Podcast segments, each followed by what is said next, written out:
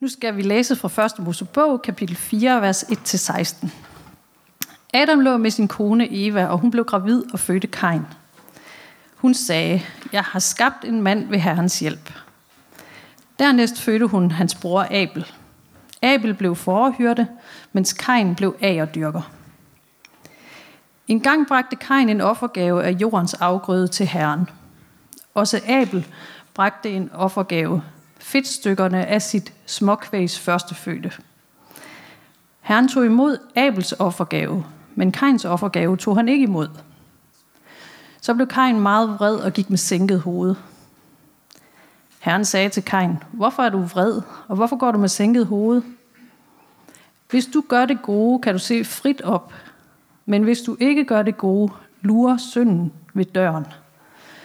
Den vil begære dig, men du skal herske over den. Siden talte Kain til sin bror Abel, og da de en dag var ude i det fri, overfaldt Kain sin bror Abel og slog ham ihjel. Der spurgte herren Kain, hvor er din bror Abel? Kain svarede, det ved jeg ikke. Skal jeg vogte min bror? Herren sagde, hvad er det, du har gjort? Din brors blod råber til mig fra jorden. Nu skal du være bandlyst fra den jord, som har spærret sit gab op og drukket din brors blod, som du udgød.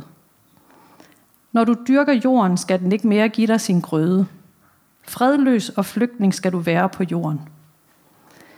Kain sagde til Herren, min straf er for stor at bære.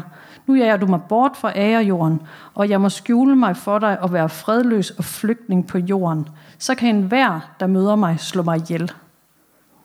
Men Herren sagde til ham, nej, hvis nogen slår Kain ihjel, skal det hævnes syv gange. Og han satte et mærke på Kain, for at ingen, der mødte ham, skulle slå ham ihjel. Så forlod Kain herren og slog sig ned i landet Nod, øst for Eden.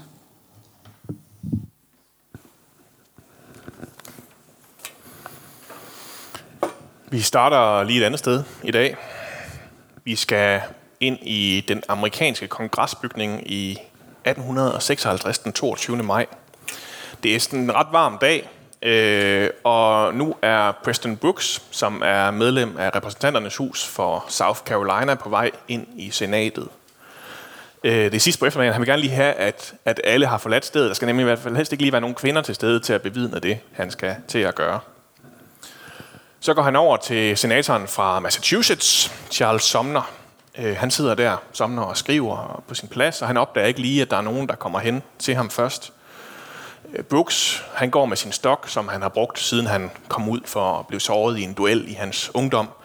Og øh, der er den lille ting, at Brooks, han er for slaveriet. Åh, oh, den kom op med det samme. Nå. øh, det er spændende, hvordan det ender, det her. Øh, Somner, han var til gengæld en af de mest højlytte abolitionister i USA, altså dem, der prøvede at få, få afskaffet slaveriet. Nogle dage senere, så havde han, tidligere, så havde han holdt en glødende tale, hvor han havde kaldt senatoren Andrew Butler fra South Carolina for en håbløs Don Quixote, og øh, hvordan det var helt galt, det han havde galt fat i det med, med at være for slaveriet. Udover at han var det, så var Butler også fætter til ham her Brooks, der kommer ind nu. Og derfor så var talen jo for ham en rød klud i hovedet, øh, en fornærmelse mod ham og hele hans slægt og hele hans øh, måde at leve på. Øh, Brooks han havde godt overvejet, om han sådan burde og udfordre Somner til, til en duel, om det var den mest færre måde at, at afgøre det på, men han synes ikke, han var en ordentlig gentleman, så det, ville han ikke, det havde han altså ikke fortjent. Og nu har han så planlagt sin hævn, og det er så spændende, hvad det er.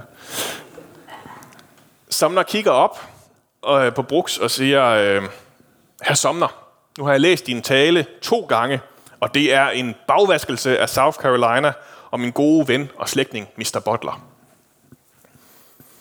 Somner han prøver sådan at, at, at få sig rejst op, øh, men så hæver Brooks bare sin stok og slår ham lige midt i hovedet igen og igen. Og Somner han falder ligesom til jorden og kan ikke rigtig komme væk, og, og Brooks bliver bare ved med at slå og slå, indtil der kommer nogle andre senatorer over og får hed, hed Brooks væk, øh, mens blodet det bare flyder der på jorden. Somner han døde lige præcis ikke den dag, men historien den spredte sig hurtigt rundt i landet og spredte frygt. I USA, der var der allerede øh, fuld gang i at, at gå rygter om, at det var ved at gå helt galt det her. Norden og Syden var ved at blive så forskellige fra hinanden, at det godt kunne risikere at ende i en borgerkrig. Og nu er der en stakkels mand, der var blevet, blevet overfaldet midt i senatet for at tale op imod slaveriets ondskab, gik historien i Norden. Rundt der blev holdt samlinger til hans støtte og support og alt muligt. I syden, der var, der var reaktionen ret anderledes. Almindelige mennesker, de begyndte at, at sende med posten tusindvis af stokke, hundredvis af nye stokke til, til, til Brooks. Og en af dem havde endda indskriften på ham, slå ham igen. Mange politikere fra syden, de mente, at Somner han havde overdrevet sine skader, at det var fake news, at han gik rundt og så for, for slået ud. Og der var ingen tvivl om, hvem der havde skylden for det, der var foregået her. The Richmond Inquirer, en avis i syden, skrev, at Books angreb var en god idé og endnu bedre udført, og med de allerbedste konsekvenser. Og videre også, at det her det var metoden, det var et eksempel til efterfølgelse. Simpelthen bare fordi vulgære abolitionister bankede på plads. Psykologerne i dag, de vil nok beskrive det sådan, at, at, at Brooks øh, han led af det, man kunne kalde en, en maladaptiv vrede forårsaget af sin skam. Brooks han fornærmes over, at Stom, Somner han står der i senatet og kalder hans fætter, og dermed også ham, for de grimmeste ting, for dum og for ond. Og der ikke er nogen, der stopper ham. Og så går han hjem, og han kan mærke, hvordan skammen den fylder ham. Øh, hvordan kunne det her være rigtigt? Hvordan kunne han bare få lov at sige de her ting? Og han mærker, hvordan skammen den bliver til en vrede, der skal ud. Og så går han ellers i gang med at, at planlægge sin hævn. Hvordan er den bedste måde at få den her vrede ud på? Det er ikke bare sådan et, et spørgsmål om, han er sindssyg i gerningsøjeblikket, vel? Det, det, det er en planlagt handling. Det er en velovervejet handling, her vi har med at gøre. Og, og Brooks skal simpelthen ikke se andre måder, han kan reagere på. Han skal have sin hævn, før det nogensinde kan blive godt igen, det her. Nogle år senere, så går den her voldsspiral så helt amok, da hele USA de kaster sig ud i den her borgerkrig med nogle af de blodigste slag i verdenshistorien, hvor en million mennesker mister livet i løbet af det her år. Og hvor man faktisk ved overraskende lidt om præcis, hvad det er, man kæmper for. Øh, det der med at tage afskaffe slaveriet, det tager det lige nogle år ind i borgerkrigen, inden Clinton kommer, øh, øh Lincoln kommer i tanke om, at det var det, han gik ud ind for. Man kæmper egentlig bare mest for, at nu skal de andre i hvert fald ned med nakken og ret ind med os andre. I dag så er der nogen, der snakker om, at USA nærmest er på vej ind i en, en ny borgerkrig. Så langt er der mellem, hvordan verden den ser ud for en ude på landet og dem inde i byerne. At det er helt umuligt at få øje på, hvordan at det nogensinde skal blive godt igen. Folk de føler sig afkoblet, fremmedgjorte. Der er nogen, der løber med alle goderne og laver reglerne, og så står man der alene tilbage. Og når det alligevel ikke rigtig virker, det der med at stemme, og det heller ikke rigtig virker at arbejde hårdt, når priserne de alligevel bare bliver ved med at stige, jamen så er der ikke rigtig andre veje tilbage, end at gå ud og lave noget optøjer på gaderne, eller købe nogle skydevåben og grave en bunker i haven.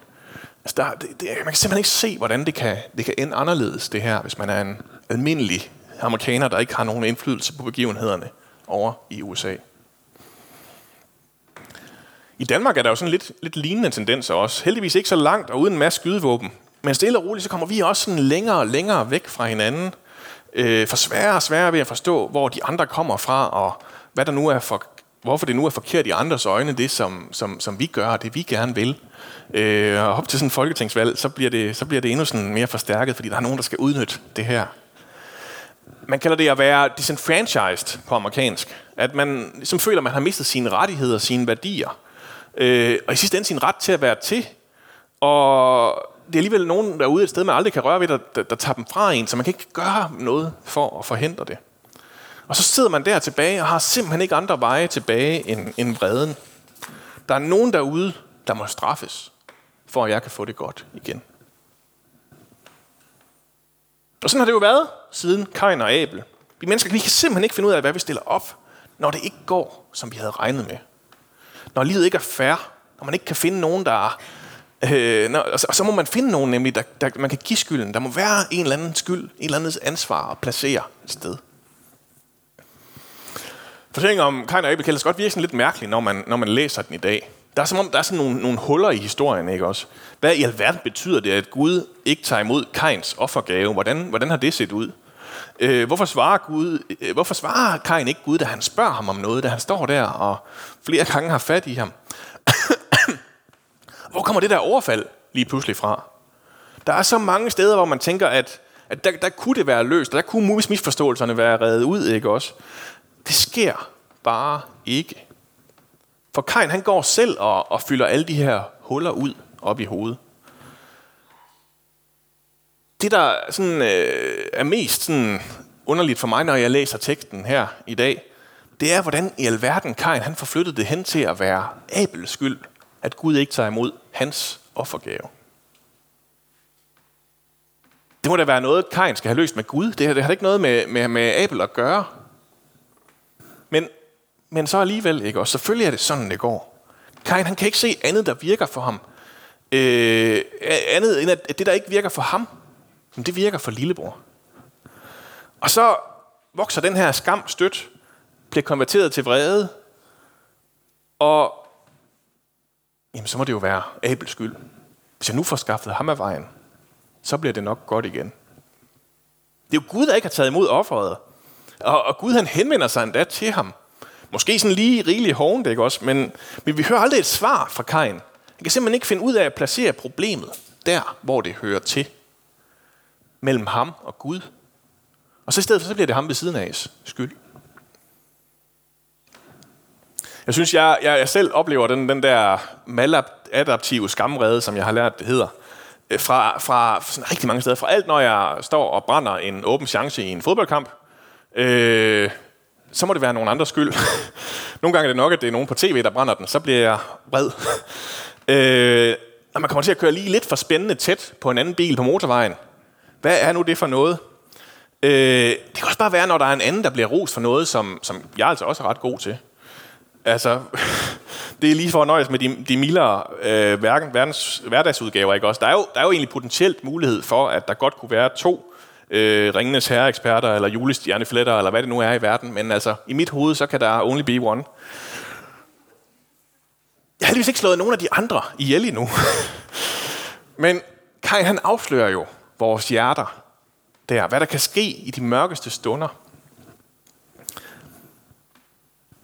Hvordan var det gået, hvis Kain han havde taget den med Gud i stedet for? Svarede Gud, at det er jo din skyld, jeg går med sænket hoved. Jeg prøvede at give dig et offer, men du vil ikke tage imod det. Øh, hvis de nu havde fået gravet ned og gravet ud i den relation, hvis Kain han havde slået på en, der kunne holde til at blive slået på. Ikke fordi man plejer at vinde de der diskussioner med Gud, vel? Han er også en, en stedig red. Men det er simpelthen der, forløsningen den ligger. Eller han kunne bare tage de ord, Gud siger til ham om, at der er en ny chance. Tag det som en invitation i stedet for en provokation. Der er masser af godt, han kan gå ud og gøre igen. Alle mulige muligheder for at kunne se op. For at synden ikke får lov til at, at herske over ham at det bliver ham, der får lov at herske over synden i stedet for, selvom den kan gå og begære ham nok så meget. Og alt det er det jo sagt, inden ideen, ideen om et mor overhovedet er, er, er undfanget. Der er ikke nogen, der er blevet slået ihjel endnu. Der er ikke nogen der er, mennesker, der er døde endnu. Øh, det, er ikke, det eksisterer ikke på hele jorden. Øh, vi, øh, ja, Kain, han har øh, alle muligheder for i familien, i Markerbad, hvor han end er, at gøre godt for at Gud han tager imod hans næste offer. Fordi det er jo det, er jo, det, er det, offer er, det er, at man, man, man giver det bedste, man har, det dyrebareste, man har. Måske fordi man håber på at få, få noget igen, men i hvert fald fordi man vurderer, at, at det er brug for at give til en, som kan gøre noget ved de ting, jeg ikke selv kan kontrollere. Øh, det er jo, det, det kan godt virke sådan lidt kontraintuitivt for os i dag, men vi kan jo spore det helt tilbage til den allertidligste del af verdenshistorien. Folk har givet de her offer, de har haft brug for at kunne gå et eller andet sted hen at finde en eller anden løsning, en eller anden måde at, at få lavet en aftale om det, som man ikke selv kunne finde ud af at fikse. Så må Gud sikre næste høst, når jeg ikke selv kan gøre det. Så må Gud sørge for, at den her fødsel går godt, når jeg har svært ved at se, hvordan det skal lykkes. Og det har Kain så ikke fået lov til. Det var ikke gået, som han synes det skulle med det her offer. Gud han har sendt lorten tilbage og Kain han står der i lugten og skammer sig over, at han ikke slår til. Over at det ikke kan lykkes, og han ikke kan få lov at placere ansvaret hos Gud, øh, for det han ikke kan holde til at stå med selv. Og så opdager han, at altså, det virker ikke, det der med Gud. Så er der kun én vej at kigge hen. På hans bror, Abel. Måske kan jeg løse det her, hvis jeg tager ham ud af ligningen. Hvis han ikke er der og står der og er træls og lykkes lige lidt bedre hver gang, så kan det være, at der bliver plads til mig. Og så kan han ellers gå i gang med at planlægge, hvordan sådan noget skal foregå. Invitere ham med ud en tur og gå i det fri. Øh, han har jo ikke set nogen mennesker dø før, vel? Men han har jo selvfølgelig set, hvordan man slagter et får, og han har set, at han også bløder, når han slår sig. Og nu er det sådan, det bliver. Abel, han skal dø. Abel, han når nok slet ikke at, at fatte, hvad der foregår, før det er slut. Og så står han der, Kain. Måske sådan lige med et, med et øjebliks lykkefølelse. Ja, yeah, det var godt. Men få sekunder senere, så opdager han, hvad det er, han har gjort. Hvad det vil sige at have blod på hænderne. Oplever skammen fylde ham fra top til tå. Endnu stærkere end før. For det løser jo ikke noget at slå Abel ihjel, vel? Han har de samme problemer, som han havde før. En plus en god portion meget værre problemer. Noget blod, der skriger fra jorden, hvor end han kigger hen. Hans liv er blevet 100 gange værre, end det var før, da han gik rundt og syntes, det hele bare var træls. Og de konsekvenser, dem må han bære nu. Det er ham, der er morderen. Ham, man ikke vil i nærheden af. Han går lige frem rundt med det der mærke, som man ikke er i tvivl om, at ham der skal man holde sig fra. Jeg så øh, psykologen Jordan Peterson udlægge historien her. Og øh, øh, han havde nogle interessante perspektiver, men han var også sådan lidt på den her, den sidste del med, hvorfor i alverden skal Kain være fredløs og ikke slås ihjel? Og der mente han, at det må simpelthen være Guds straf, at han lod ham leve i stedet for at slå ham ihjel. Jeg kan godt se, hvad han mener. Det er jo også et af argumenterne imod dødstraf, at man skal gå rundt og bære smerten, at det faktisk skal være, fordi man har slået et andet menneske ihjel. Men jeg tror, det er ikke det, der sker her. Gud han insisterer på, at selv her, hvor Kain han ellers har frataget et andet menneske sin menneskelighed, sit liv, så stopper Kain ikke med at være menneske, med at have ret til sit liv i Guds øjne. Han er nødt til at bære konsekvenserne af hans handling, ja, men hans liv er stadig værd at leve. Gud han vil ikke fratage ham hans menneskelighed, selvom han selv har gjort alt, hvad han kunne for at kaste den af sig. Nu går han jo så fredløs rundt, og det er jo bogstaveligt talt det, han er. Han kommer aldrig til at opleve fred igen. Det er nok næppe heller den sidste krig, han starter. For, for, for hvordan skal han nogensinde opdage andre måder at løse problemerne på, end at ved at, ved at bruge vold? Og siden er det mere eller mindre sådan, resten af verdenshistorien er skrevet frem. Og i dag så oplever vi, at det er kommet tæt på igen. Volden den spiraler der ud af. Den stærke tæver den svage. Synden, her, synden hersker. Kains efterkommer Lemek, han, øh, han synes simpelthen, at det var for lidt med de der syv gange, Kain skulle hævne. Så han siger, at hvis Kain han skal hævne syv gange, så skal Lemek hævne 77 gange. Der bliver ikke mindre vold i verden forløbig. Selv Gud virker det næsten til. Kan ikke rigtig se andre måder at løse det på, end med, med flodbølger og hellige krigere. Så hvordan skal verden nogensinde vise sig, øh, opdage en anden vej? Kan man gøre andet end at møde vold med vold? Der var jo en. Jesus han fødes. Han går rundt på jorden og snakker om en, en anden måde at leve på sit liv på. Noget med, at man skal vende den anden kind til, når man bliver slået. Noget med, at man skal tilgive ikke bare syv gange, men 77 gange. Og han, han, han gør det faktisk også. Han bærer selv konsekvenserne af det. Sæt døden i øjnene og tager sit kors op. Og selv hængende der på korset, så er der lige en røver, der også får en invitation til et nyt liv med, selvom han selv havde givet op på, at det kunne lade sig gøre for længst. Jesus vender op og ned på, hvordan verden har fungeret siden Kain. Vold besvares med selvopoffrelse i stedet for vold. Endelig kan man se en, undtagel, en, en, en ende på undtagelsestilstanden. Men det er jo ikke ligefrem en, en snuptagsløsning, vel? Den, den er svær at tro på, at den helt virker. Øh, at vi andre bare kunne gøre det lige så nemt nu. Men nu ved vi, at der er en anden vej at gå. Også når vi ikke selv kan gå den, så er der en, der har gået den for os. En, vi kan gå den sammen med. Vi er ikke koblet af, som vi kan tro, at, og oplever, at der ikke er andre muligheder. Vi kan stadigvæk tage ansvar for vores liv, selvom det føles som om, der er nogle andre, der smadrer det. Selv der, så er der en, der har vist os, hvordan vi går i det. Så når det er mig, der står og oplever, at alle mine ofre, de ikke bliver besvaret, at jeg ikke kan få livet til at give mening, det hele bare ikke er fair, når det er mig, der brænder den der målchance, eller er ved at køre en ned, eller skal leve med, at det var en anden end mig, der skulle have det der kompliment. Øh, selv hvis det var mig, der havde slået en anden mand ihjel, så er der stadig noget at få. Hvis jeg selv bare tør se op, se, at Jesus han har ikke vendt sig væk fra mig endnu. Han gør det heller aldrig. Han kalder mig til at tage nogle, nogle jordiske konsekvenser af det, jeg har gjort. Måske er det en tilgivelse, der skal til. Måske skal jeg bede om den, måske skal jeg give den. Måske skal jeg gøre noget anderledes næste gang. Måske skal jeg bære konsekvenserne, om det så er en bænkplads eller en fængselsdom. Men de evige konsekvenser, dem kan jeg, og skal jeg heller ikke bære. Min menneskelighed, den mister jeg ikke. For det er ikke mig, der skal præstere den. Den har Gud givet mig, og den kan aldrig tages fra mig igen.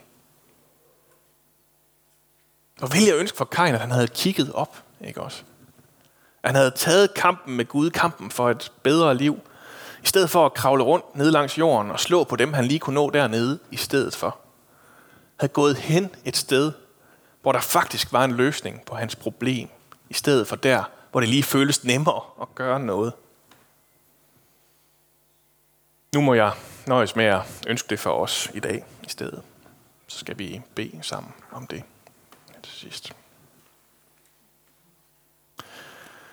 Far, vi øh, kan opleve en verden, der ikke giver mening, der ikke er fair. Kan opleve os koblet af af, hvordan det hele sker og bliver styret, og hvordan vi skal have råd til vores liv, og alt muligt der bare gør det så svært at finde ud af, hvordan det fungerer. Og midt i det, jamen så insisterer du på, at der stadig er en vej. At vi kan kigge op, se dig, vi kan tage kampen med dig, vi kan gøre det gode, så synden ikke får lov at herske.